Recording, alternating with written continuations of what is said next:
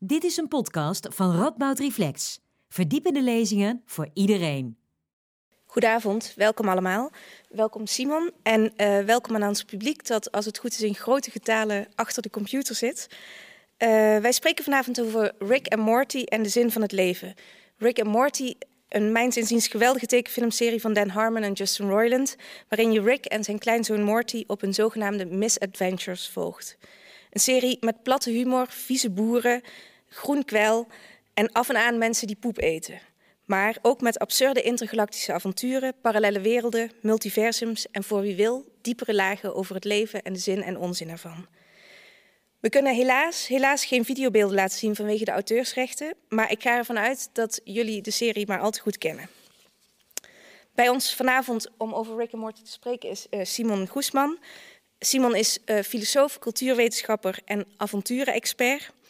Uh, zijn onderzoeksgebieden zijn fenomenologie, existentialisme en popcultuur, waarbij hij inzichten uit het existentialisme toepast op maatschappelijke kwesties en de popcultuur. Samen met Arjen Klein-Herenbrink schreef hij het boek Avonturen bestaan niet, over de rol van avonturen in onze samenleving. Simon zal zo een lezing van 40 minuten geven en daarna is er ruimte voor vragen en discussie.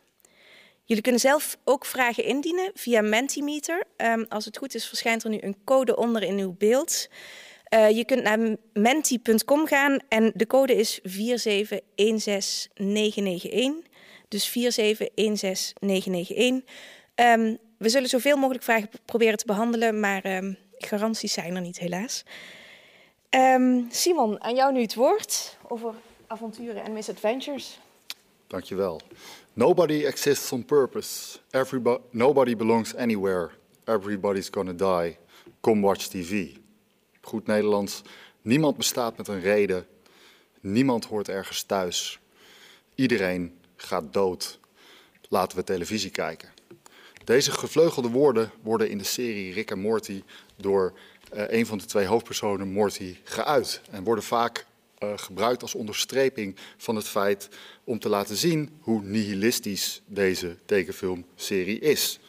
En eigenlijk is dat best een gek idee voor een serie die, uh, zoals Martijn net al zei, eigenlijk best wel luchtig en gek is. We volgen een opa, Rick, en zijn kleinzoon Morty op allerlei gekke avonturen in de ruimte. Die een parodie zijn op bekende science fiction films, maar de premissen van die films vaak nog tot in het absurde doortrekt. Met allerlei portalen naar andere dimensies, uh, woordenvol gekke aliens en wat niet al. En toch staat Rick en Morty te boek als nihilistisch. Een serie die ons leert dat het leven geen zin heeft, dat het leven geen betekenis heeft. Waartoe zijn wij hier op aarde nergens voor? Wat ik in deze lezing wil gaan doen, is het tegendeel beweren. Rick en Morty als serie is geen nihilistische serie, maar is juist een bepaalde aanklacht tegen het nihilisme. Dat wil zeggen, het laat zien dat onze menselijke drang tot zingeving niet te rijmen valt met het idee dat er uiteindelijk geen zin is. Dat betekent niet dat ik een zoetsappig betoog zou houden over dat het leven toch zoveel inherente zin heeft, maar dat ik een filosofische stroming, of eigenlijk twee, zal gaan gebruiken om de zingevingsstrijd van vooral hoofdpersoon Rick en in mindere mate hoofdpersoon Morty in een breder perspectief te zetten. Dat is het existentialisme enerzijds en het absurdisme anderzijds. En dit, uh, het duurt wel even voordat we bij deze filosofische stromingen aankomen. Ik denk dat om Rick en Morty als serie te begrijpen, dat we het eerst moeten contrasteren met traditionele avonturenverhalen. Want Rick en Morty laat uiteindelijk als geen andere serie zien dat het leven geen avontuur is.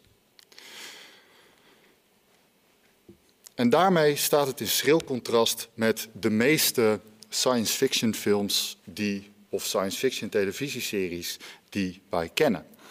Het meest iconische voorbeeld daarvan is bijvoorbeeld uh, Star Wars en uh, vele andere science fiction franchises die daarna kwamen, vertellen ons een traditioneel heldenverhaal. Een traditioneel heldenverhaal waarin de held een bepaalde kweeste krijgt, een bepaalde lotsbestemming heeft, een bepaalde chosen one is, om uiteindelijk het universum te ontdoen van een of ander uh, kwaad, om iemand te redden of om een schat te vinden, noem het maar op. En uh, deze avonturenverhalen die zitten allemaal, los van het genre, op dezelfde manier in elkaar. Die vertellen altijd, uh, die hebben altijd eenzelfde boodschap die ze op eenzelfde manier vertellen. En die boodschap is eigenlijk het tegenovergestelde van wat ik uh, net zei over Rick en Morty. Everybody exists on purpose and everybody belongs somewhere. Of in ieder geval, helden belichamen het idee dat het leven automatisch ergens naartoe gaat. Daarover straks meer. En deze heldenverhalen, een hoop mensen uh, zullen het idee wel kennen, volgen allemaal ongeveer dezelfde structuur. De structuur van de zogenaamde Hero's Journey. Het verhaal is als volgt. Een schijnbaar onbenullig iemand komt er op een dag achter in de wieg te zijn gelegd voor grootsere dingen. Uh, eerst twijfelt de persoon nog even, maar op een gegeven moment gaat de hoofdpersoon um, onder leiding van een mentorfiguur, meestal een man met een mooie witte baard, uh, naar een andere wereld om daar zijn lotsbestemming te vervullen. Vaak is dat uh, een letterlijke andere wereld. Het is de wereld van de tovenarij of een andere planeet of een um, wereld achter de schermen uh, van de normale wereld. Noem maar op. En als de held uit deze alledaagsheid is getreden en in de nieuwe wereld is, dan wachten hem weg beproevingen die uiteindelijk leidt tot de ultieme beproeving.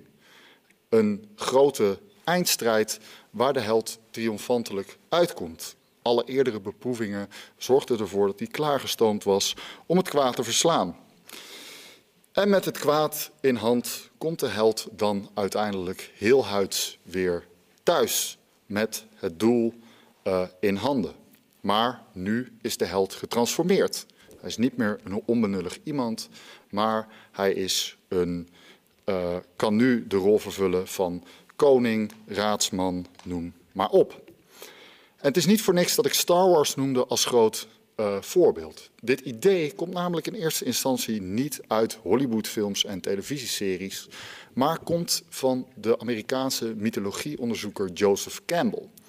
Hij destilleerde uit een heleboel mythes van over de hele wereld, een heleboel avonturenverhalen van over de hele wereld, deze kern, deze hero's journey. Het idee dat er altijd een cirkel is van het alledaagse naar een vreemde wereld, die uiteindelijk terugleidt naar het alledaagse en daarmee een reis waarin de held transformeert. Het is zeer controversieel onder mythologieonderzoekers of Campbell het nou bij het juiste eind had. Misschien was hij wel te kort door de bocht door alle avonturenverhalen uit de hele geschiedenis tot zo'n relatief simpele structuur te reduceren. Toch is zijn invloed op onze popcultuur ongeëvenaard.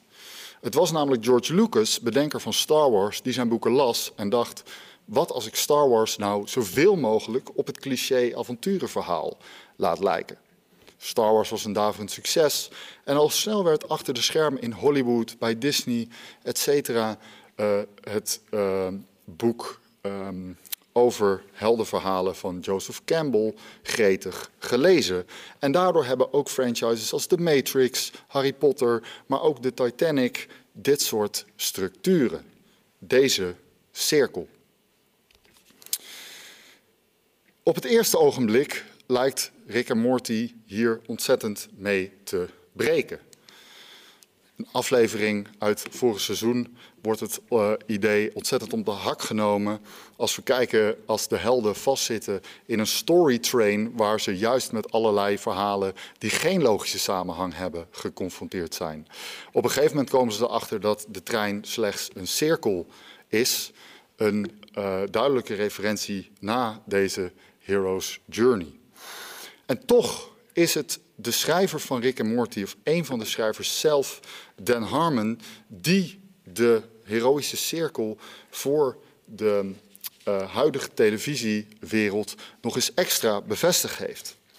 In zijn eerdere werk, onder andere de serie Community, heeft hij het idee al geperfectioneerd. Een idee hoe kun je zo makkelijk mogelijk televisieafleveringen schrijven met een held. Nou, het is simpel. Het begint met een zone of comfort. Een karakter uh, is, um, uh, zit gewoon thuis in diens alledaagse bestaan. Maar op een gegeven moment wil de held iets en moet daardoor een nieuwe, unfamiliar situation betreden. Zich daaraan aanpassen, uh, dan krijgen ze op een gegeven moment wat ze willen, maar moeten daar een heftige prijs voor betalen. Daarna gaan ze terug naar de alledaagse wereld en zijn ze veranderd. Hetzelfde idee van de held die een transformatie ondergaat, lijkt hier dus ook bij Rick en Morty aan ten grondslag te liggen. En ergens is deze vorm van het verhaal vertellen van de held nog veel beter dan de hero's journey zelf, waar nog allerlei soort van mentorfiguren en allerlei opsmuk nodig is om dat verhaal te vertellen. Want het gaat inderdaad precies om één ding: de persoonlijke ontwikkeling van de held. De held is een nobody en verwezenlijkt diens rol als held. Het is dan ook uh, zo dat die achtergrond van Campbell zich in de psychoanalyse bevindt. En um, voornamelijk die van Jung. En hij de, uh, had het idee dat wij met z'n allen een soort collectief onderbewustzijn hebben. Dat alle clichébeelden in ons hoofd, waar al die verhalen op gebaseerd zijn, ermee te maken hebben dat ze symbool staan voor onze eigen levensloop. Dat iedereen eerst een onbenullig iemand is, namelijk een kind. En dat de weg naar volwassenheid uiteindelijk uh, een weg is waar de held um, van ons eigen verhaal een ja, avonturen moet beleven, op een groot avontuur gaat om diens plek in de wereld te realiseren. En um, uh, daarmee ja, de rol te vervullen die iemand zou moeten hebben. Om vervolgens eventueel op de oude dag weer een jongere generatie uh, wijsheid mee te geven om die persoonlijke ontwikkeling door te gaan. Om een lang verhaal kort te maken, avonturenverhalen zitten ongeveer hetzelfde in elkaar. Ze voltrekken allemaal een cirkel en deze cirkel brengt de held van een alledaagse situatie naar een vreemde situatie die de held in stelt staat om persoonlijke groei door te maken, diens plek in de wereld te vinden en um, uh, vervolgens verder te gaan met het alledaagse bestaan, maar veranderd is. En ondanks dat we dit idee dus zeker ook in Rick en Morty zien, in de story circle van schrijver Dan Harmon, is het precies vooral Rick en in mindere mate Morty die het niet lukt om daadwerkelijke persoonlijke groei door te maken. het hele idee van, uh, van dit heldenverhaal is uiteindelijk gebaseerd op het idee dat wij allemaal een bepaalde lotsbestemming hebben. Dat we op een of andere manier een chosen one zijn. Misschien niet in een heroïsch heldenverhaal, maar wel het idee dat er op een of andere manier een plan voor ons ligt. Of dat nou is omdat we in een schepper geloven die de wereld van tevoren uitgedacht heeft en letterlijk een plan voor ons heeft uitgestapt. Of in een soort menselijke natuur die zegt, dit is de natuurlijke manier waarop je je rol in de samenleving uh, moet vervullen. Het is bijvoorbeeld allerlei evolutie en dat is uh, allemaal evolutie en dat is de reden dat wij uiteindelijk hè, de beste persoon van de stam willen zijn, noem maar op. Al deze ideeën zijn op een bepaalde manier essentialistisch. Ze geven een essentieel beeld van hoe een levensloop is. En Rick en Morty haakt precies in op dit feit. Wat als er nou niet zo'n plan achter de schermen is? Wat als inderdaad niemand van nature ergens thuis hoort? Vaak wordt dit idee door filosofen in verband uh, gebracht met wat de dood van God wordt genoemd. Als wij er op een gegeven moment achterkomen dat God niet bestaat, of op een andere manier ons toe gaan uh, tot een schepper gaan verhouden, dan is het zo dat het niet meer zonder meer gegeven is dat het leven zin heeft, dat er een plan is. En de vraag is dan, is het zo dat na de dood van God uh, wij zelf de plek van God in kunnen nemen en uh, God kunnen spelen? Dat lijkt, zoals de uh, stil hier naast mij ook laat zien, het plan van Rick. Rick is iemand die het idee heeft dat nu God dood is, hij zelf de plek van God in kan nemen.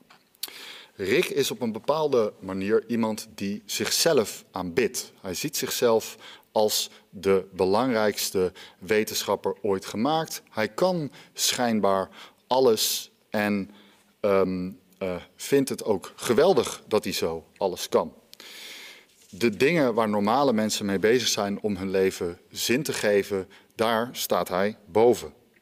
Zo zegt hij bijvoorbeeld tegen zijn neefje Morty, die een verliefde puber is: Listen, Morty, I hate to break it to you, but what people call love is just a chemical reaction that compels animals to breathe. It hits hard, Morty, then it slowly fades, leaving you stranded in a failing marriage. Break the cycle, focus on science. Uiteindelijk kan de wetenschap ons van zingeving uh, uh, verlossen als we maar doorhebben dat het leven geen zin heeft en begrijpen hoe de werkelijkheid dan volgens een koud rationeel plan uh, in elkaar zit, kunnen we, hoeven we de vraag überhaupt niet meer te stellen. Althans, zo lijkt het voor Rick. Want dit is eigenlijk het beeld van de nihilistische serie, waarin hoofdpersoon Rick zichzelf als wetenschapper um, uh, te slim acht voor bepaalde zingevingsvragen. Het is vaak ook uh, op internet bijna een fenomeen geworden dat juist um, bepaalde Rick en Morty fans weg worden gezet als, um, op een manier dat zij Rick juist als voorbeeld nemen. En net zo cool willen zijn als Rick, die zich allemaal te goed voelt voor mundane manieren van het leven zin geven. Maar we zouden Rick helemaal niet als voorbeeld moeten nemen. Een goed voorbeeld daarvan is de iconische aflevering Pickle Rick uit het derde seizoen. Naam van de aflevering zegt het al voor wie hem niet gezien heeft. In deze aflevering gaat uh, Rick eens even laten zien hoe goede wetenschapper die wel niet is, door zichzelf in een augurk te veranderen. Het laat heel goed zien hoe Rick en Morty hele rare en vergezochte surrealistische science fiction premissen gebruikt om uiteindelijk een serieus verhaal te vertellen. Want hoewel we Rick als augurk een robotpak zien bouwen om uiteindelijk allerhande cliché avonturenverhalen te beleven en um, uh, ja, die behoorlijk vergezocht zijn, uh, komen we er gaandeweg de aflevering achter dat Rick dit eigenlijk helemaal niet per se doet om te laten zien hoe grote wetenschapper die wel niet is, maar om onder zijn therapiesessie met zijn familie uit te komen. Het is namelijk zo dat hij eigenlijk liever een goede band met zijn familie zou willen hebben, maar dat hij eigenlijk niet weet hoe dit moet. Hij weet niet hoe hij uh, op een uh, normale manier zich moet verhouden tot zijn medemens. Hij heeft zichzelf immers aangepraat dat hij te slim is om uh, iets te geven om bijvoorbeeld hoe anderen om hem denken, de liefde van zijn familieleden. En we zien dan ook keer op keer doorheen de serie dat Rick eigenlijk doodongelukkig is. Het idee dat wij zonder meer kunnen leven in een wereld uh, uh, zonder zin in een nihilistische wereld um, is iets dat Rick niet kan. Want Rick is uiteindelijk ook maar een mens. Hoe graag hij het ook zou willen, hij is geen God. Hij kan de plek niet innemen van degene die boven alles staat maar moet zijn leven leiden zoals ieder mens. En moet daarmee betekenis geven aan het leven, zoals ieder ander mens. En zijn onvermogen maakt hem doodongelukkig. Wat heel mooi wordt geïllustreerd aan de hand de aflevering waar um, deze uh, stil uh, van is. Een aflevering waarin het hem niet lukt om een liefdesrelatie uh, te onderhouden met een hive mind planeet. Wederom een vergezochte science fiction premisse. Maar waarbij je er op, met je neus op de feiten wordt gedrukt als kijker.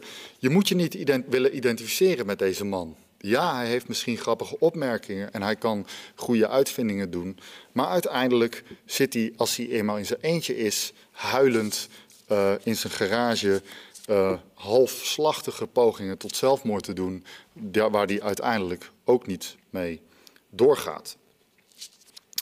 En dat is uiteindelijk het punt waarop Rick's verhaal eigenlijk, ondanks dat de afleveringen zelf een cirkel doorlopen, niet een helder verhaal is. Het lukt hem namelijk niet echt om persoonlijke groei door te maken. Zo zegt hij aan het eind van de aflevering tegen Morty, zijn neefje, die, of zijn kleinzoon, die dit uh, vaak uh, wel lukt. Oh boy, you actually learned something today. What is this? Full House? Met een verwijzing naar een klassieke uh, sitcom verwijst hij naar het feit, inderdaad, in een normale doorsnee televisieserie, de cliché sitcom die gaat over families, leren hoofdpersonen iets aan het eind van het verhaal.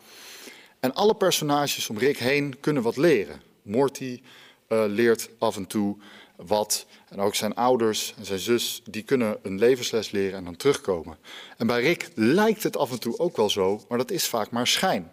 Hij heeft vaak wel een doel, maar zijn doel is uiteindelijk om zijn positie als uh, meest machtige wetenschapper van het universum te onderstrepen.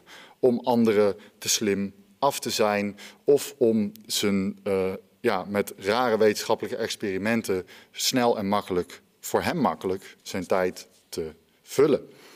Het is dan ook heel interessant hoe hij zich verhoudt tot zijn eigen uh, dochter, die hij op een gegeven moment uh, gekloond heeft, en dan, zodat één van zijn, één van de kloon of de dochter een normaal leven met de familie kan leiden. Het leven dat Rick eigenlijk uh, ook zou willen hebben ergens, maar niet toe in staat is.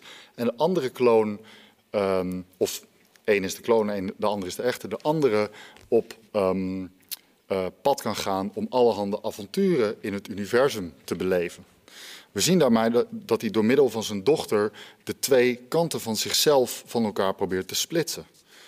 Hij is immers te slim en te veel met wetenschap bezig en te onvermogend om op een doorsnee uh, uh, manier een gelukkig gezinsleven uh, te hebben. Maar uiteindelijk hunkert hij hier ook te veel na om het compleet op te geven. En uiteindelijk laat ook dit weer zijn onvermogen zien, net als de familietherapie waar hij bij Pickle Rick onderuit probeert te komen. Hij gaat niet een normaal gesprek met zijn dochter aan van hey, in hoeverre heb je bepaalde eigenschappen van mij genetisch doorgegeven ge, uh, gekregen. Maar hij um, maakt er een gek wetenschappelijk experiment van. En zo zegt hij ook op een gegeven moment tegen zijn dochter: When smart people get happy, they stop recognizing themselves. Wat heel goed zijn eigen zingevingsstrijd onderstreept, hoe hij die doorheen zijn dochter voert. Kortom, de hoofdpersoon Rick probeert te doen alsof hij een nihilist is. Alsof hij het uh, kan rooien zonder uh, zin in het leven. Alsof hij daar als wetenschapper boven staat. Maar we zien keer op keer de scheuren van dit nihilisme in zijn leven. Hij zou veel liever een, uh, op een bepaalde manier zijn leven willen leiden, waarbij hij wel betekenisvolle relaties met de mensen om zich heen zou hebben waarbij al zijn avonturen wel tot iets zouden leiden.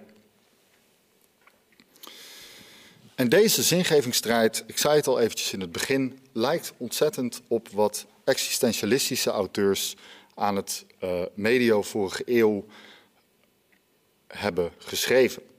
Ook zij waren bezig met het idee van uh, zingeving in een wereld dat, niet, uh, waarin dat niet vanzelf gegeven is.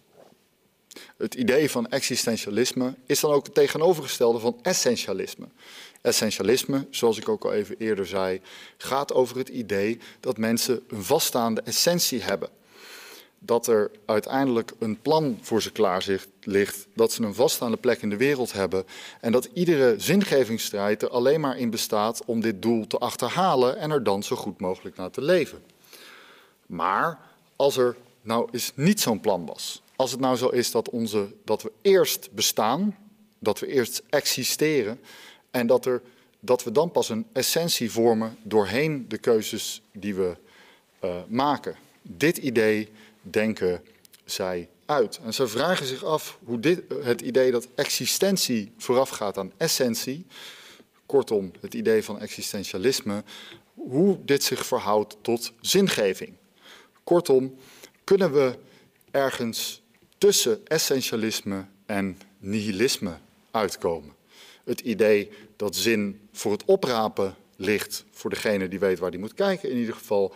En het idee dat het leven helemaal geen zin heeft, wat, zo zien we in de figuur van Rick, uiteindelijk onmogelijk is. Het grappige is dat deze existentialistische auteurs zich ook ontzettend hebben bezig gehouden met allerhande avonturenverhalen.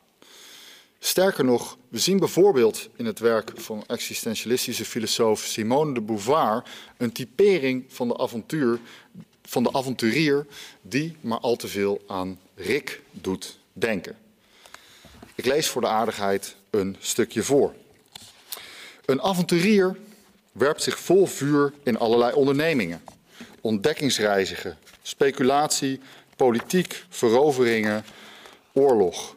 Maar daarbij is hij niet gehecht aan het gestelde doel, maar alleen aan zijn bezigheid. Hij houdt van de actie om de actie. Hij heeft er plezier in, in een vrijheid die onverschillig blijft voor haar inhoud in de wereld te ontplooien. En later zegt ze: Degene die men avonturier noemt, is iemand die onverschillig blijft voor de inhoud van zijn daden. Dat wil zeggen, de menselijke zin en betekenis van zijn handelen. Het gaat dan om iemand die meent zijn eigen bestaan te kunnen bevestigen zonder rekening te houden met het bestaan van anderen.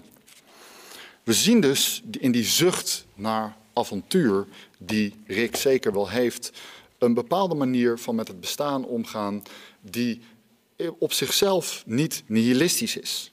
Hij blijft niet bij de pakken neerzitten op de bank, maar is altijd met deze of gene bezigheid bezig met een avontuur van zijn leven maken. Iedere aflevering, bijna iedere aflevering, heeft hij wel ergens een of ander vergezocht kristal dat hij moet halen. Of een of andere uh, intergalactische regering met wie hij het aan de stok heeft. Of noem maar op.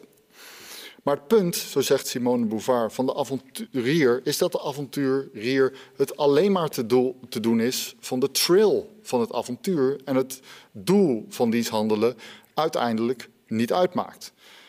Rick die bereikt niks met zijn avonturen, met de kristallen die hij uh, um, uh, bijvoorbeeld haalt, uh, ergens vandaan haalt. Hij gebruikt ze alleen voor wetenschappelijke experimenten die alleen maar zijn lege bestaan als wetenschapper die zich te goed voelt voor anderen bevestigen.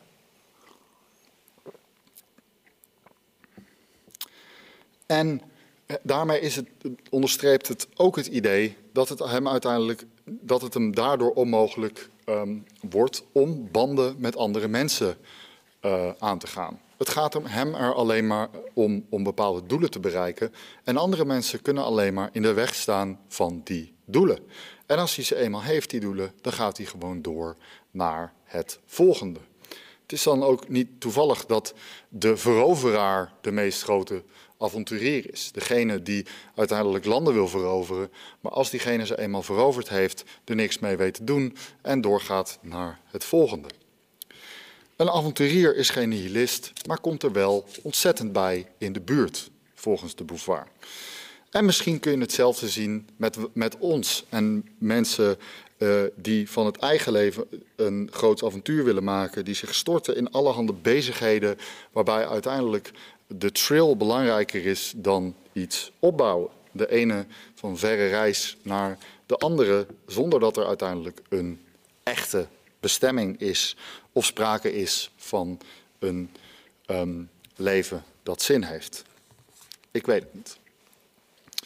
Al dus de Beauvoirs kritiek op de avonturier of typering van de avonturier als iemand die het wel probeert om het leven zin te geven, maar dit uiteindelijk op een uh, manier doet die nergens echt toe leidt.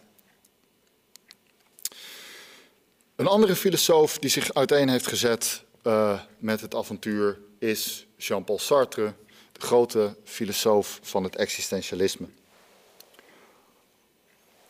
In zijn roman De Walging zet hij ook een personage neer dat op een bepaalde manier wel wat weggeeft van Rick. Namelijk iemand die met mannenmacht probeert om het leven zin te geven, maar het lukt niet. En ook deze persoon relateert zijn bestaan aan avonturen. Het is iemand die ontzettend veel gereisd heeft, allerhande liefdesaffaires uh, achter de rug heeft, allerhande avontuurtjes, noem maar op. Maar op een gegeven moment op een punt in zijn leven uitkomt dat hij in een saaie stad woont, waar hij een saai historisch boek schrijft. Um, en uh, daardoor uiteindelijk geconfronteerd wordt met de grote vraag: waar doe ik het eigenlijk allemaal voor? En dan gaat hij nadenken over de aard van het avontuur en dan realiseert hij zich op een gegeven moment iets. Avonturen bewegen inderdaad altijd naar een bepaald doel toe. We zagen die nadruk op de doelen, ook bij Simone de Beauvoir. Die zegt een avonturier uh, jaagt alleen maar bepaalde doelen na zonder zich te bekommeren inhoudelijk om die doelen. Maar we zien dit ook in de Hero's Journey, waarbij de hele reis van de held beweegt naar een um, bepaald uh, doel toe bijvoorbeeld de slechterik te verslaan. En iedereen die de held op dit pad tegenkomt, vervult een functie, leert een wijze les om dichter bij dit doel te komen. er is niks in een avonturenverhaal is toevallig. Alles draagt uiteindelijk bij aan het vinden van het doel. En uh, dat zien we um, uh, ook terug in onze eigen levens. Bijvoorbeeld als sommige mensen op een verre uh, reis gaan, misschien wel de meest ultieme vorm van het avontuur, dan doen ze dit om zichzelf te vinden. Wederom lijkt heel erg op het klassieke Jungiaanse heldenverhaal waarbij een held zichzelf realiseert. En als zo'n persoon over zo'n verhaal vertelt, dan zal die persoon uiteindelijk um, alle dingen die gebeurd zijn op reis uitleggen als, hebben, als bijdragende aan het doel van zichzelf te vinden. Als je portemonnee gestolen wordt in Nederland, dan is dat gewoon vervelend. Maar als je portemonnee uh, op een verre reis in Thailand gestolen wordt, dan is dat een les dat je niet alleen maar op jezelf uh, moet vertrouwen, op je eigen geld, maar ook anderen om hulp probeert te vragen. En dat anderen echt niet zo zelfzuchtig zijn en je echt wel willen helpen, ook als je geen portemonnee bij je hebt. En zo leidt alles uiteindelijk tot een bepaald doel. Maar dit is natuurlijk alleen zo als het verhaal goed afloopt. En je wordt inderdaad geholpen. Als je uiteindelijk geen geld hebt en uh, uh, beroofd wordt en, of uh, van je spullen nergens onderdak kan vinden, dan kan het ook gewoon heel erg vervelend zijn. En dat idee, een avonturenverhaal moet altijd goed aflopen om een avontuur te zijn, dat uh, is uiteindelijk de grote realisatie van de hoofdpersoon van de walging.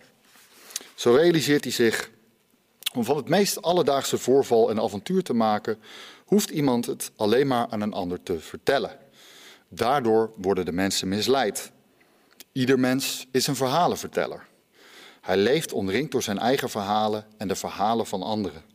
Hij ziet alles wat hij meemaakt in het licht van die verhalen en hij probeert zijn leven te leven alsof hij het vertelde. Maar je moet kiezen of delen. Leven of verhalen vertellen. Dus dat idee, dat als we achteraf over het leven vertellen en we weten waar het uitkomt, dan kunnen we inderdaad die doelmatige structuur daarin uh, brengen. Maar als wij het leven leven, dan gaat ons leven niet automatisch naar dit soort punten toe. Kortom, avonturen bestaan niet. Dat wil zeggen, avonturen bestaan wel in fictie, maar avonturen bestaan niet in het echte leven. Want het echte leven gaat niet zonder meer ergens naartoe. En deze kritiek op avonturenverhalen in zowel uh, de Beauvoir als Sartre laat ons weer een hoop zien over Rick en Morty. Want Rick en Morty gaat precies hierover. Het onvermogen van avonturen om het leven zin te geven. Waar Rick de hele tijd op avonturen gaat om uh, zijn eigen positie uh, als vermeend nihilist te onderstrepen, probeert Morty het ook keer op keer. Vaak dwingt hij Rick tot wat lieflijkere avonturen. Maar dan zitten andere personen, en vaak ook Rick, hem in de weg om, er, uh, om die echt happy ending te bewerkstelligen. We moeten dus af van het idee dat het leven zonder meer ergens naartoe gaat, zoals een avontuur dat doet. En dat is uiteindelijk, lijkt de les te zijn van Rick en Morty. Het, uh, die, het onvermogen om het leven zin te geven hangt samen met het idee dat avonturen dit kunnen doen. Omdat avonturen inherent um, niet kunnen bestaan. Omdat ze ervan uitgaan dat het automatisch naar een happy ending toe gaat. En daartegenover zetten existentialisten dan ook vrijheid. Niet de vrijheid om van het ene avontuur in het andere te duiken, maar de vrijheid om je eigen bestaan vorm te geven. Om wel te kiezen voor die relaties met andere mensen. Om, je gewoon, om toe te geven dat je die ander ook nodig heeft, hebt om je leven zin te geven, zoals de Bouvard zou zeggen. En ook om toe te geven dat het leven gewoonweg niet altijd ergens toe leidt. Dat niet ieder moment betekenis hoeft te hebben in het licht van een groter plan, maar alleen maar betekenis heeft in het licht van je eigen keuzes. Ik had het ook eventjes over een andere filosofische stroming die ik uh, uh, in het begin genoemd heb, het absurdisme. Het absurdisme van Camus is nauw verwant aan het existentialisme, maar is net eventjes anders. En het, is, uh, het lijkt ontzettend goed de, een, uh, de strijd van Rick uh, vorm te geven. Het zou een goede tip zijn voor Rick om een keer Camus te lezen. Ik weet niet of het uitgegeven is in het Rick en Morty-universum. Het absurdisme gaat nog een stap verder dan het existentialisme. Want waar het existentialisme de nadruk legt op um, het feit dat wij ons leven zelf uh, zin kunnen geven. Onder andere door betekenisvolle projecten aan te gaan en relaties met andere mensen aan te gaan, legt Camus de nadruk op de zinloosheid van het leven. Hij doet dit aan de hand van ook een soort avonturenverhaal, namelijk de mythe van Sisyphus. Sisyphus is gestraft door de goden en moet elke dag een steen op um, uh, een berg oprollen. Maar elke, als de steen eenmaal boven is, dan rolt hij weer naar beneden en moet hij weer opnieuw beginnen.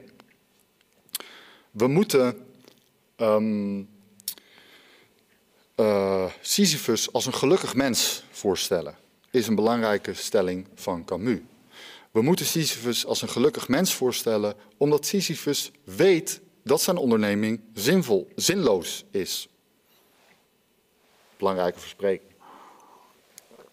Zijn onderneming is zinloos. Hij heeft een doel. Hij is op een bepaalde manier op een avontuur. Maar de steen zal iedere keer weer naar beneden rollen. Maar Sisyphus leeft niet in de veronderstelling dat de steen ooit blijft liggen. Sisyphus weet dat zijn leven niet meer betekenis heeft dan dat het hetzelfde doel keer op keer proberen is. En je zou zeggen dat uh, dit uh, voor Rick ook geldt. Rick probeert keer op keer, en Morty ook, aan de hand van allerlei avonturen persoonlijke groei door te maken en het leven zin te geven. Maar het lukt ze niet. Maar ze vinden geen berusting, en vooral Rick niet, in het feit dat het zinloos is. Rick doet alsof hij daarboven staat als nihilist, maar hij omarmt het niet als mens, zoals Camus voorschrijft. Want juist als je de, het absurde, het zinloze als mens omarmt, kun je het uiteindelijk een plek geven en kun je er ook tegen in opstand komen. Dan kun je wel uh, op een bepaalde manier zeggen: ik uh, hou gewoon van de positie waarin ik zit en ik hou van de mensen om mij heen, ook al heeft dat inherent geen zin. En kan je dus bijvoorbeeld wel die band opbouwen met je kleinkinderen en je uh, dochter, zoals Rick dat graag zou willen doen.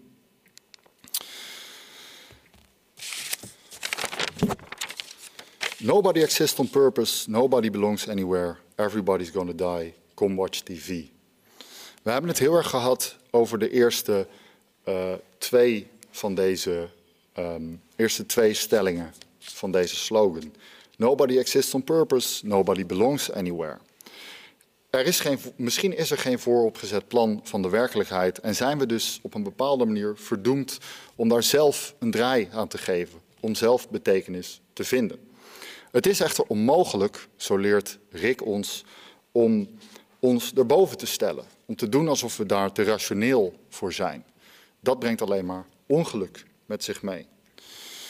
Wat dat betreft kunnen we ons beter wenden tot Morty, die het in ieder geval nog probeert. Hij wordt misschien een beetje tegengewerkt door zijn tyrannieke opa, maar uh, hij weet in ieder geval dat het de moeite waard is om te proberen om het leven zin te geven. Om in opstand te komen tegen de zinloosheid op die manier.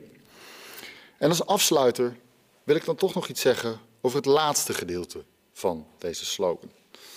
Ik ga het niet hebben over het derde gedeelte, over de dood. Dat zou nog uh, een hele uitweiding zijn. Maar wel over dat andere. Come watch TV. Een heleboel filosofen die zich vooral in de 20e eeuw op, tegenover popcultuur verhouden, benadrukken vooral het idee dat het gebruikt wordt om ons um, koest te houden. Om ons verhalen te presenteren waarin alles goed komt, zodat wij denken dat ons eigen leven ook zo in elkaar zit. En inderdaad, het hero's journey denken, het avontuurlijke denken, heeft dit idee heel erg. En daarom is het interessant om te zien dat in een tijd waarin enerzijds televisieconsumptie alleen maar toe lijkt te nemen, anderzijds hè, de wereld er een stuk minder rooskleurig voor staat dan toen de meeste avontuurlijke blockbusters eind 20e eeuw um, opkwamen. Wij hebben te doen met klimaatrampen, uh, allerhande crisis en uh, politieke polarisatie, noem maar op. En daarom is het interessant om te zien dat een serie die juist niet laat zien alles komt wel goed, maar juist laat zien dat het, het, het, le het leven misschien wel op een bepaalde manier uh, weinig zin heeft, maar dat we daar toch iets mee moeten op dit moment zo populair is. Vandaar dat de stelling Come Watch TV dubbel begrepen kan worden. Enerzijds kan het begrepen worden als ga gewoon lekker voor een uh, avonturenserie zitten waarin alles goed komt. En um, uh, dan hoef je niet meer na te denken over het feit dat het leven zelf niet altijd vanzelf goed komt. Of het laat zien dat er ook op televisie een hoop ruimte is voor discussies over zingeving, zoals we dat zien bij Rick en Morty. Daar wil ik het graag bij laten. Dankjewel.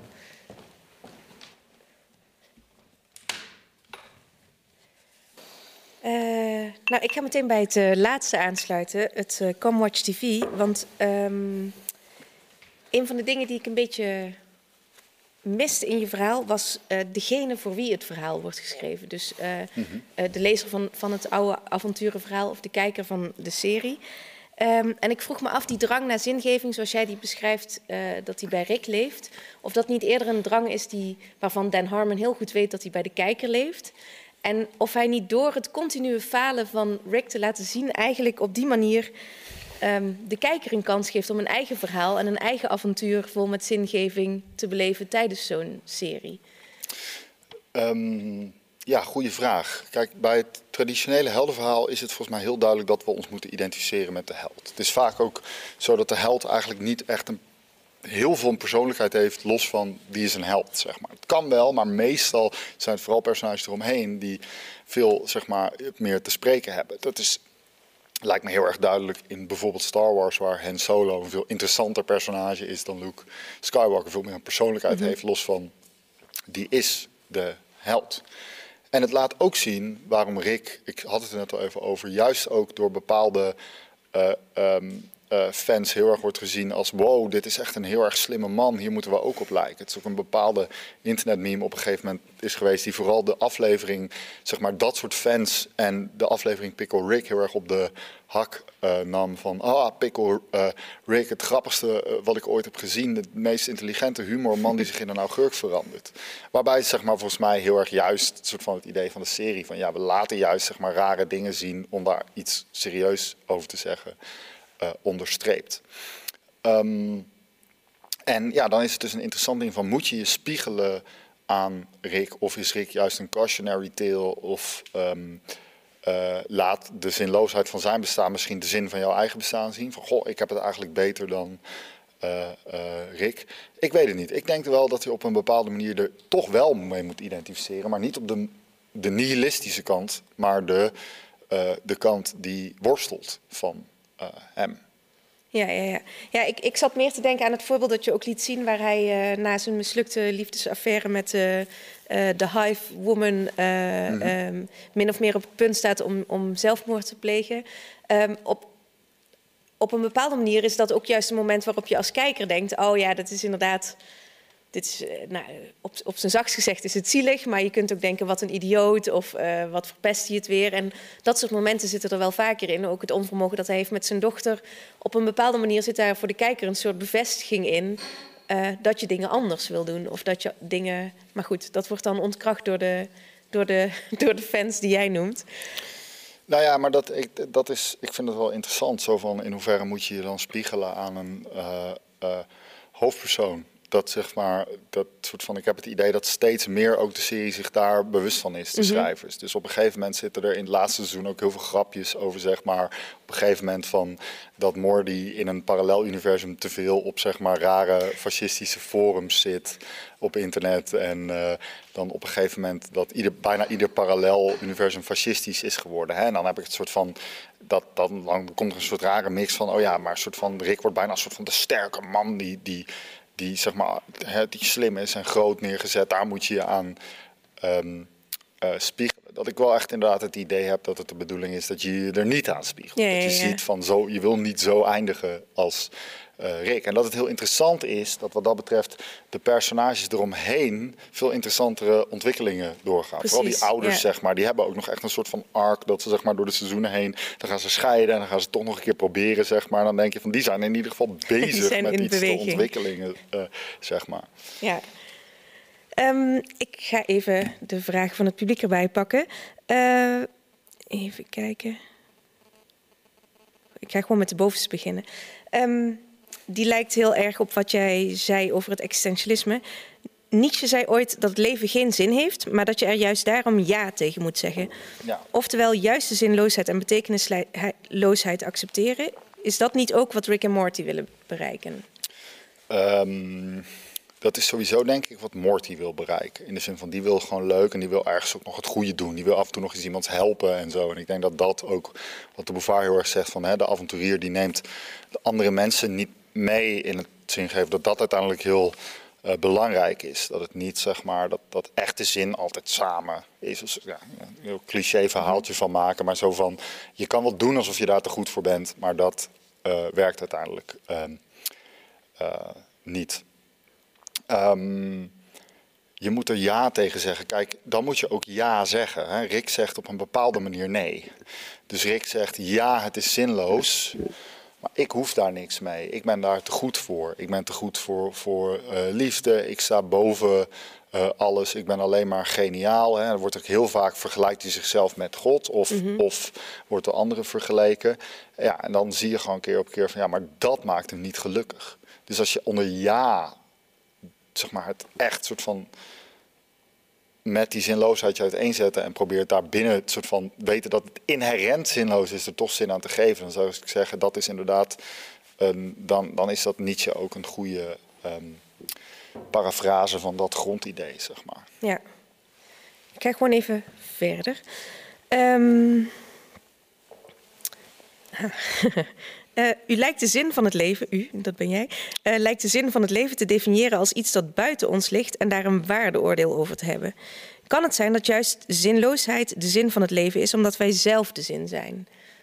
Ik denk dat, dat, dat is ook is, uiteindelijk ja. gewoon wat wat, wat, die, wat existentialisten zeggen, zeg maar. Dus Mm. het- ik heb het uiteindelijk geschetst als zeg maar, een middenweg tussen nihilisme en essentialisme.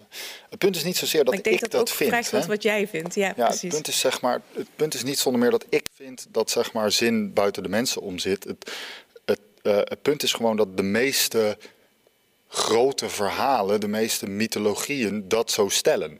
Het is, en ook de meeste Hollywoodfilms, et cetera. Een held is altijd uitverkoren door iets anders. Dat kan super vaag zijn, dat kan gewoon uitverkoren door de kosmos of een soort van hè, de, de algehele structuur van de werkelijkheid zijn. Het is niet iets soort van, het is iets dat als je gewoon gaat kijken naar traditionele modellen van zingeving, de grote religies, grote mythologieën, maar ook ehm, eh, de meeste Hollywoodfilms dus, wat zo werkt. Eh, en dan is uiteindelijk het punt is, ja, je moet daar zelf zin eh, aan geven. Maar dat is een heel makkelijke slogan van, oh ja, dan geef er dan maar zin aan. Want dat is dus heel moeilijk. Dat laten Rick eh, en Morty en vooral Rick heel erg zien, eh, denk ik. Want je er zonder, het is niet zonder meer, oh, ik kies een doel en dan is dat ge- gedaan. Het is ook niet, ah, ik ga allemaal dingen najagen. Dat voelt dan ook leeg. Eh, hè, het is niet zonder meer je alleen maar opofferen voor anderen. Maar het is ook niet niks aangaan met anderen. Dus ik ben het er helemaal mee eens. Maar ik denk dat, dat je moet zelf het leven dan zin geven gewoon lastiger is. En dat dat iets is waar deze filosofen zich eh terdege van bewust zijn. Maar je noemde het net al eventjes, de, de dood van God, zoals die door veel filosofen wordt genoemd. En eh, ehm, deze, in, in hoeverre is deze serie dan, deze serie waarin vrij nadrukkelijk wordt gezegd, in ieder geval door een van de karakters, dat er geen zin is, ehm, toch een soort weergave van wat er nu in deze wereld om ons heen gebeurt? Is het een, is het een weergave van een kijker die graag zich identificeert met iemand die ook een puinhoop ziet en ook zinloosheid ziet en ook niet meer weet eh, waarvoor die ochtends op moet staan of ehm, wat hij moet doen. Snap je? Dus is, is, is, het, is dit avonturenverhaal anders omdat de tijd gewoon ook anders is en wij iets anders verlangen van een verhaal? Ja, dat is heel gek, want het andere is niet weg. Hè. Het is niet alleen maar van, oh, eerst keken we allemaal, een soort van, hadden we een soort van millennia lang avonturenverhalen. En toen kregen we zeg maar pak een beet 60 jaar, eh, weet ik veel hoeveel jaren avonturenfilms in Hollywood. En toen was er in één keer Rick en Morty. Kijk, feit is gewoon, we kijken nog steeds heel veel naar gewoon traditionele heldenverhalen. Als je kijkt wat soort van allerhande superheldenfilms, Star Wars, ehm, ehm, et cetera, zeg maar de blockbusters zijn dat nog steeds heel erg. Ik denk dat Rick en Morty juist op een subtielere manier werkt, omdat het wel dat, dat, dat ehm, gekke heeft. Van het is wel ook gewoon leuke science fiction. Het is ook gewoon eh, eh, grappig. Het is ook eh, ehm, eh, vermakelijk en eh, raakt soort van catert aan verschillende publieken. De een vindt het gewoon grappig, de ander houdt van science fiction, et cetera. Maar dat je daarmee het niet soort van, ja, dan, kun je heel zeggen, ja, verschillende mensen kijken daar verschillend naar. Maar op een gegeven moment is iedereen die invested in een verhaal, maakt dan denk ik ook die zinloosheid mee. Dus ik denk, enigste, ik denk wel dat het die snaar eh, raakt van dat mensen daar nu misschien explicieter mee bezig zijn dan dat ze dat ooit waren. En dat wat dat betreft zeg maar een balletje is dat langzaam is gaan rollen. Het soort van eerst was, dacht alleen filosofen daarover na en steeds meer mensen in de maatschappij eh, eh, kregen daarmee te maken. Nou, dan je, krijg je eerst denk ik een tijd van Ehm, waarbij je naarmate de tweede helft van de 20e eeuw vordert enorm meer, veel meer vrijheden krijgt om jezelf vorm te geven. Maar tegelijkertijd zeg maar, de, de, de welvaart en de mogelijkheden waardoor die vrijheid nog makkelijk in te vullen is met bijvoorbeeld consumentisme. ehm, en eh, de economische omstandigheden goed zijn, waardoor je snel een baan krijgt, et cetera. En dat als dat dan op een gegeven moment wegvalt, dat je dan wel geconfronteerd wordt in een wereld waarin je weet ik heb niet een vaststaande plek. Ik ga geen soort van schoenmaker worden omdat mijn vader ook een schoenmaker was. Want ik moet wat met mijn leven. Maar het is niet zonder meer een successtory.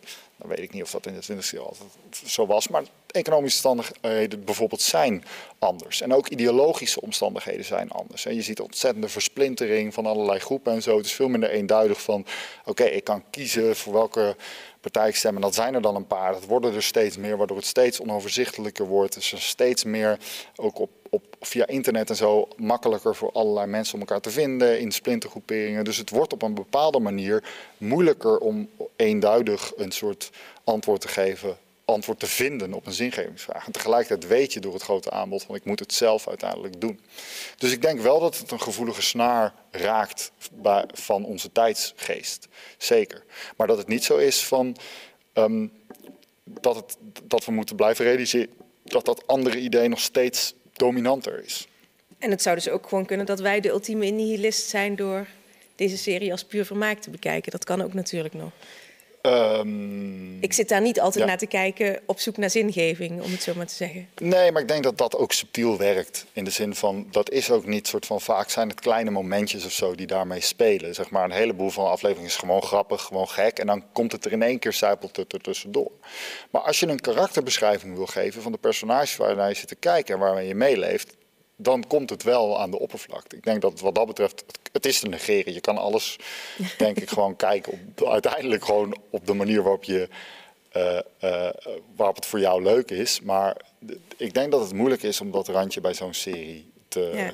volledig te negeren. Nou, je ziet het ook in de serie zelf. In, in de aflevering uh, Rick's Minute is het geloof ik dat zij zelf een enorme hang naar brainless TV kijken of hebben. Zij kijken het liefst, uh, volgens mij de dames in het gezin kijken het liefst naar uh, voice talent shows en de mannen in het gezin het liefst naar sterke mannen die avonturen beleven of auto's optillen of. nou, het is je hebt dat interdimensional cable en dan gaan ze zeg maar kunnen ze televisie van alle dimensies kijken. En dat gaat nergens over.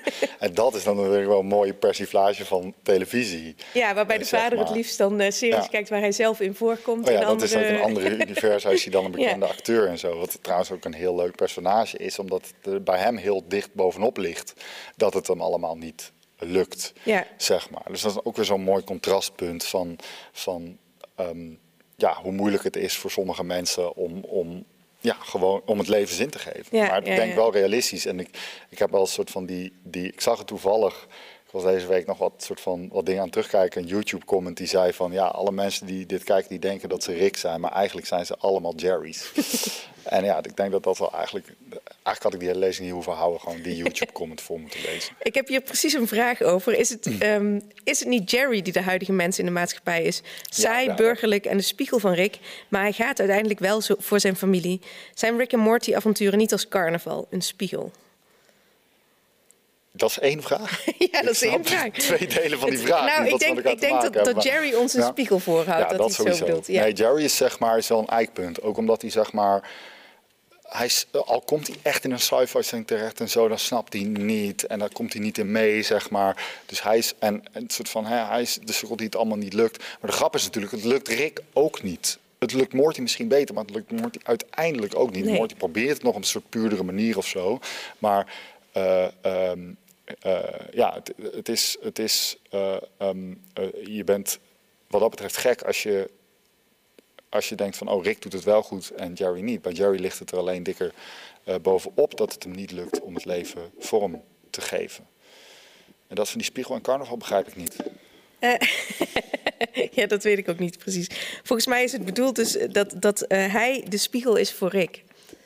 Dus dat Jerry de oh. spiegel is voor Rick. Dus het, het tegenovergestelde van, uh, van, van, van de gekke. Nou ja, omdat zeg maar, hij is soort van heel erg slim en hij voelt zich daardoor te goed. En Jerry is duidelijk een beetje een sukkel en die heeft daardoor die, kant, die, die, heeft die grond niet. Maar het punt is zeg maar, Rick die denkt dat doordat hij slim is, doordat hij een goede wetenschapper is, dat hij zich niet met soort van normale menselijk bestaan bezig moet houden. Maar wat, wat dat betreft Jerry dan als spiegel voorhoudt, is wel van ja, maar dat soort van haal dat weg en dan heb je, nog, dan heb je dit over, zeg maar. Ik heb een hele andere vraag over avonturenverhalen. Uh, kunnen avonturenverhalen bestaan die niet voldoen aan het gestelde construct, dus de cirkel? En hoe zou dat eruit zien? Ja, daar valt een heleboel over te zeggen. Kijk, um, je kan natuurlijk soebatten over waar de term avontuur naar verwijst. Hè? Bedoel, de Beauvoir geeft een bepaalde typering van wat een avonturier is. En dan kan je zeggen, ja, uh, ik vind een avontuur iets anders. Ja, prima. Weet je, dat is uiteindelijk spelen met woorden. Dat vind ik niet interessant. Kijk, wat wel zo is, is dat echt ondanks het feit dat misschien Campbell's verhaal over de details niet klopt, het idee zeg maar dat, dat verhalen die doelmatigheid in zich hebben, is al echt heel wijd verbreid. En natuurlijk zie je verhalen waarbij dit, waarbij dit minder zo is of die daarmee spelen. Maar vaak zijn dat dus verhalen, zoals Rick Morty, die er heel expliciet mee spelen. Waarbij dat echt een thema is, omdat het zo wijdverbreid is. Natuurlijk zijn er wel meer films en voorbeelden van series die daar of komisch of uh, serieus ook een soort parodie of zijn of meespelen of iets mee doen. Wat dat betreft is, is ergens de, de tragedie daarin het interessantst, omdat de tragedie ook een heel klassieke verhaalvorm is, die ook over helden gaat, die, gaat, die traditioneel slecht afloopt. Maar Rick is niet tragisch. Want een, een, tragedie is altijd een held die zeg maar, met de beste bedoelingen van de wereld iets probeert, maar op een of andere manier door een speling van het lot een misstap begaat en dan lukt het uiteindelijk niet. En dan leidt ook alles draagt bij aan de slechte afloop. Dat is iets heel anders dan je gaat wel avontuur na avontuur beleven en je gaat wel al die dingen doen, maar het leidt nooit tot echte persoonlijke ontwikkeling. dus dat, dat idee van dat is waar die heldenverhalen uiteindelijk uh, symbool voor staan. De held in je eigen mhm. leven worden. Het leven is één groot avontuur. Nog een andere vraag over het avontuur. Er zijn een aantal afleveringen in Rick en Morty waarin ze in aanraking komen met andere helden en avonturiers. Rick lijkt er dan enorm op gedreven om aan te tonen dat zij hypocriet zijn en hij oprecht dus. Hoe verhoudt zich dat eh, tot de rest van het verhaal? Ja, dat, dat, dat vind ik heel grappig ook. In de, in de, volgens mij is het de laatste aflevering waarbij het er ook over gaat dat dus dan die dochter van hem is, is gekloond.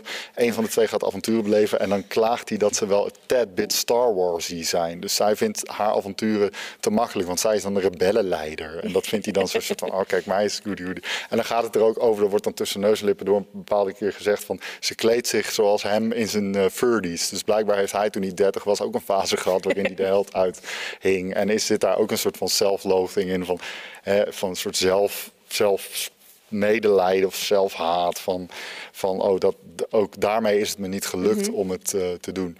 Maar dat hele soort van, dus dat, dat, dat vind ik dus leuk van die story circle. Dus dat het wel vaak de vorm van een avontuur heeft, maar dat het doel van het avontuur is zijn eigen positie als iemand die eigenlijk te goed is voor dit soort voor betekenisvol uh, handelen te bewerkstelligen. En dat is heel vaak inderdaad andere aftroeven, andere helden aftroeven. Bijvoorbeeld dan met een, voor die heist aflevering, dan gaat die soort van heist films helemaal soort van bekritiseren, want dat vindt hij dan allemaal maar stom. En inderdaad een soort van superheldachtige figuren, daar voelt hij zich allemaal te goed voor, dat vindt hij cliché. Dus ja, dat is, daar, daar zit dat thema ook heel expliciet. Uh, maar is dat dan gewoon narcisme of is dat een, een, een zoektocht naar oprechtheid of, of uh, um, echt zijn? Of, um...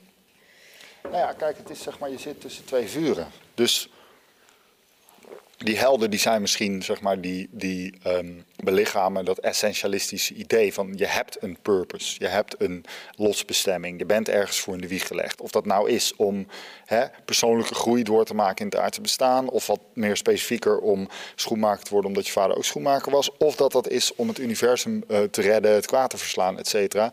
Het idee dat er een vooropgezet plan is, dat hoort bij de traditionele held. De nihilist zegt het leven is zinloos en pretendeert dat dat geen probleem is voor een mens. Mhm. Eh, dus zeg maar ergens zeg maar, contrasteren wat Rick probeert te zijn. Hij probeert een nihilist te zijn en die helden heel erg zeg maar, met elkaar. Alleen ergens zou hij natuurlijk wel liever wat meer als die helden zijn. Hoewel die weet, hij is te slim uh, uh, om daar volledig in terug te gaan. Vandaar ook dat ik dat absurdisme zei, zeg maar meer die zinloosheid erkennen en er in die erkenning tegen rebelleren als soort van oplossing voor zijn probleem. Maar is dat dan een. Want je zegt dan rebelleren. Ik vraag me af. Zelf herken ik dat niet zo. Ik zie het juist meer als ook een soort omarming. Dus een, een soort van laten we dan maar lol hebben en avonturen beleven. Um... Ja, maar ik denk dus dat zeg maar dat, dat louter lol hebben. En ja, kijk, avonturen beleven op, de manier waarop op. Um, um, bijvoorbeeld de Bouvard dat voorstelt van alleen maar een soort van hè, trails achterna jagen, dat dat geen echte betekenis geeft. Dat echte betekenis groter is dan dat.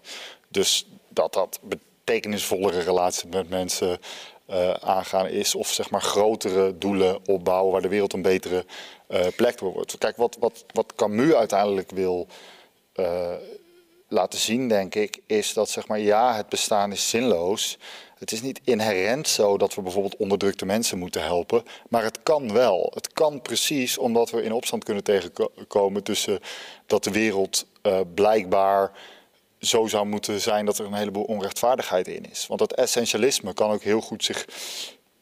Hè, kan zich enerzijds kan essentialisme heel erg betekenen van oh iedereen heeft een plek en dat is allemaal mooi en leuk. Maar ook heel erg van nou de vaststaande orde betekent ook mhm. dat sommige mensen het goed hebben en anderen slecht. En dat we die mensen mogen, dat we mensen kunnen uitbuiten, et cetera. Dus dat rebelleren tegen essenties heeft ook een heel bepaalde, daar, zit, daar komt een heleboel emancipatie bij. Ja, dat klopt. Maar, maar er zit ook wel echt een waardeoordeel in. Als je natuurlijk zegt van in, het, in het beleven van avonturen zit geen, uh, zit geen echte zin. Of ik weet, ik weet niet precies hoe je, hoe je het verwoordde. Um, ja, ja. Of hoe je Simone de Beauvoir dan uh, uh, verwoordt. terwijl je natuurlijk ook kunt zeggen, als je die echte vrijheid hebt om te kiezen, waarom mag je dan niet gewoon kiezen voor. Oh, maar het mag wel. het mag zeker. Alleen het punt is, maar je geeft zo niet echt betekenis in het leven, omdat het te vluchtig uh, is, zeg maar. Je lijkt je eigen doelen te maken, maar die doelen, zodra je ze hebt, zijn ze, zeg maar, gaan ze een rook op. Want dan wil je het volgende doel hebben. En daar koppelt de bevaarders ook heel erg aan van in een avontuur zijn andere mensen die je tegenkomt staan alleen, bestaan alleen in het licht van jouw avontuur, zeg maar. Dus ja, uh, ja dat zie je dus ook uh, bij ik. Ik ga naar een vraag die ik um, nou, ik ga hem gewoon voorlezen. Denk je dat het geloof in het multiversum vanuit de natuurkunde kan leiden tot een nihilistisch wereldbeeld? Um, ja. ik kan hem niet uitleggen, helaas. Nee, ik snap het wel. Dus als het idee is inderdaad hoe dat idee wordt bij Rick Morty, is dus als je totaal de boel uh, um, in de soep loopt in jouw wereld, dan kun je altijd nog naar een parallel universum gaan waarin, het, waarin het niet in de soep is uh, gelopen. Dus je kan altijd opnieuw uh, mm -hmm. beginnen. Um, leidt dat tot nihilisme? Het is grappig, het sluit best wel aan bij een uh, boek van de Beauvoir uh, alle mensen zijn sterfelijk. Dat gaat over iemand die onsterfelijk is. En juist omdat hij onsterfelijk is, en dit is een bepaalde vorm van onsterfelijkheid. Mm -hmm. dus, hè, de, de, wereld om je heen is bijna onsterfelijk. Want je kan altijd opnieuw beginnen, je kan altijd weer weggaan. Hè. Ook Rick is op een bepaalde manier onsterfelijk. Die heeft altijd nog ergens een kloon liggen, of weet ik veel wat. Weet je, die, die, die, die is op die manier ook een, een, een god. Maar juist dan, omdat, je dus, omdat er geen inherente betekenis of, of dat je, als je leven geen einde heeft, je altijd opnieuw kan beginnen. Uh, en altijd iets anders kan gaan doen, dan ben je dus niet bezig van als je altijd als persoon kan veranderen en weer wat compleet anders kan doen, dan is het dus wat je opbouwt uiteindelijk niet belangrijk. Wat voor persoon je wil zijn. Dan ben je niet echt invested in de wereld om je heen. Mhm. Dan wil je die niet echt beter maken of veranderen. Want uiteindelijk uh, ja, kun je toch weer naar een wereld, een universum gaan waarin alles uh, anders is. Ja. Dus dat idee van die reset-button, of dat nou is wat Rick die naar een ander universum gaat, of de Beauvoir die zeg maar onsterfelijkheid als zeg maar laat zien van het feit dat, dat, dat, dat er gezegd wordt je bent vrij om je eigen bestaan vorm te geven, betekent niet dat je alles maar kan doen wat je wil en dat het vrijblijvend is. Wat zij willen laten zien is nee, die vrijheid komt met een heleboel verantwoordelijkheid voor jezelf en voor de ander. Uh, kijken. Ik deel ook nog even een opmerking, hoef je niet op te reageren, maar uh, dat je in die zin de quote Come Watch TV in die aflevering met de, uh, de, de, speciale cable ook kunt zien als de afstandsbediening die een portal is naar oneindig veel multiversa. Dus waarbij je er dus inderdaad uit kunt stappen. En, nou, als je dat andere... zeg maar ziet als escapisme. Ja. Hè? Dus dat is het, het, idee van escapisme is, het, je, je kijkt naar fantasy, science fiction, dat soort genres, om van de saaiheid van het alledaags bestaan te ontsnappen. Maar volgens mij is escapisme bestaat, want natuurlijk kijk je een leuke televisieserie om een soort van even leuk te ontspannen en dit en dit en dat. Het is niet dat ik daar iets tegen heb, maar ik heb het idee dat er altijd meer is. Er zit altijd ideologisch meer dan alleen escapisme in. Star Wars, of wat voor cliché avontuurverhaal dan ook, prent toch het idee in je hoofd dat mensen een vaste plek hebben, dat er zoiets is als een lotbestemming, et cetera. Of je het nou wil of niet. En Rick Morty heeft, brengt toch bepaalde ideeën met zich mee die andere dingen niet hebben. Je kan geen recht doen aan de verschillen tussen media als je alles als louter escapisme beschouwt. Dus ja, escapisme bestaat wel, maar louter escapisme is volgens mij een illusie. Er is hier nog een vraag naar nog een andere stroming, in hedonisme. Ja. En welke rol speelt het hedonisme in de serie? Is dat niet de zingeving van het bestaan volgens Rick? Aangezien ook veel van zijn avonturen hedonistisch van aard zijn. Ja, volgens mij is dat, dat precies het idee van, van is hedonisme. Dus is, is, is niet de zoektocht naar geluk, maar de zoektocht naar genot. Hè? En dat is een soort van. Niet dat ik daar iets, dat ik heel puriteins ben, daar iets tegen heb, bij lange na niet. Ehm, ik denk dat dat uh, ook een, gewoon een menselijke behoefte is, net zoals die behoefte naar geluk. Je kan ook niet doen alsof je boven genot uh, staat. Hè? Um, maar desalniettemin is dat te vluchtig om het bestaan zin te uh, geven. Kijk, bij wijze van spreken, degene, de hedonist is, is, is misschien nog, zeg maar, de, de avonturier uh, nog uitvergroot in de zin van, weet je wel, een hedonist wil genot, die wil lekker chocolade eten. Maar ja, de chocolade zodra je het op hebt, is het weg, weet je wel. Nou, dat is net als de avonturier die maar trills blijft, blijft zoeken en dan, zodra het doel bereikt is, het volgende doel wil hebben. Ja, bedoel, ja, dus dat is zeg maar van, ja, van genot is, is inherent uh, vluchtig uh, volgens mij. En ik zie Rick niet als een hedonist. Hij is veel meer bezig met. Um, hij is een narcis, narcis, narcis, narcissistisch. Een narcist, woord. Een narcist, dat is het. Er zit een lettergreep te veel in bij mij. Um, een narcist is hij zeker. Hij is heel erg bezig met zijn eigen positie uh, zeggen. Hij zorgt echt met aanzien op die manier. En hij wil vooral dat andere mensen zien dat hij zich te goed voelt uh, voor hun. Um, dat is hij volgens mij heel erg aan het najagen. En dat is volgens mij ook omdat hij zichzelf wil overtuigen dat hij te goed is voor van alles. Nou, goed, dat heb ik volgens mij inmiddels wel uh, ontzettend onderstreept. Af en toe zoekt hij ook wel eens genot. Maar dat is volgens mij een, een, ja, inderdaad een menselijke behoefte die niet zeg maar geluk kan kan vervullen. Okay. het gat der geluk kan opvullen. Af en toe begrijp me dan het idee dat het ook zo is dat jij ook heel erg naar zin zoekt in zo'n serie. Klopt dat of niet? Uh, of in zo'n avontuur?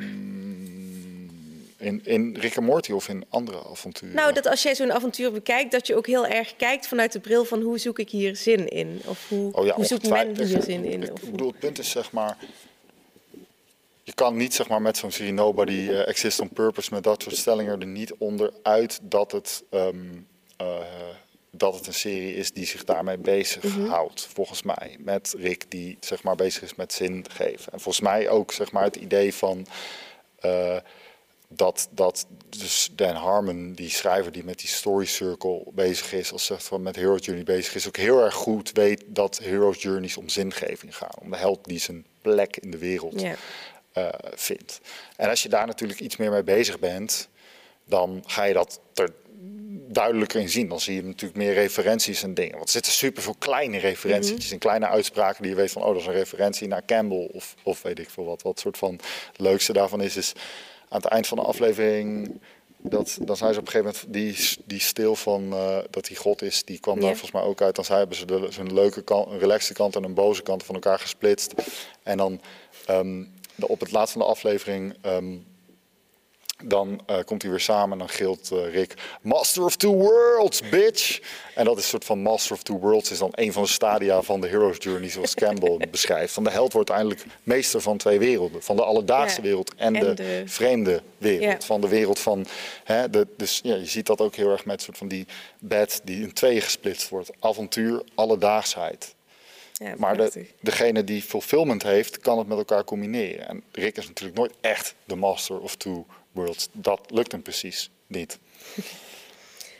Uh, ik heb nog één vraag over de, de serie zelf. Uh, hier zegt iemand: klopt het niet dat hij zich aan het eind van dat Rick, neem ik aan, zich aan het eind van seizoen 2 overgeeft om zijn familie te redden? Dat geeft toch juist aan dat hij uiteindelijk wel voor zijn familie kiest. Ja, volgens mij doet hij dat voortdurend. Ja, dat doet hij voortdurend. Ja. Maar dat doet hij nooit in hun gezicht of zo. Dat doet hij altijd, zeg maar.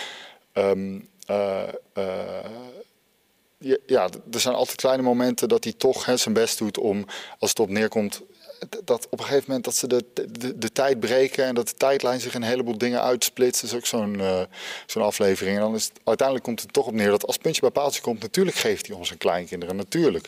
Maar hij is zo iemand die dat dan doet en de volgende dag glashard zou ontkennen. Of als ze naar hem, zeg maar, hij doet het nooit in hun gezicht. Dus, dus, dus uh, hè, als ze dan bijvoorbeeld hem zouden bedanken, dan zou hij zeggen, ah nee, dat heb ik alleen maar gedaan om uh, mijn eigen ding te doen, weet je wel. Dus hij gaat er niet, hij wil het heel graag, maar het lukt hem niet om dat op een echte intermenselijke manier te doen.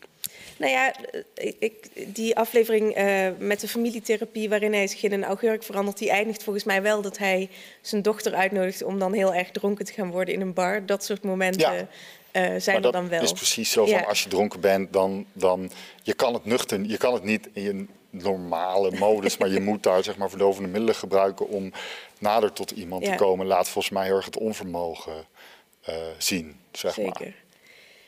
wij uh, moeten gaan afsluiten. Um, ik wil jou heel erg graag uh, bedanken voor vanavond en voor de lezing. En uh, jullie thuis wil ik allemaal bedanken, of achter de computer, ik weet niet of je thuis zit. Um, er is mij gevraagd om de laatste livestream-event van Radboud Reflex nog even aan te kondigen. Dat is morgen om 8 uur. The Science of Relaxation. Uh, met lezingen van neurowetenschapper Martin Dressler en uh, psychiater Anne Spekkens. Um, en dan ook nog de vraag, als je dit een leuke avond vond en je wil Radboud Reflex een beetje extra steunen, dan uh, kan dat via de donatieknop op de site. Verder heel erg bedankt voor het kijken, een fijne avond en graag tot een volgende keer.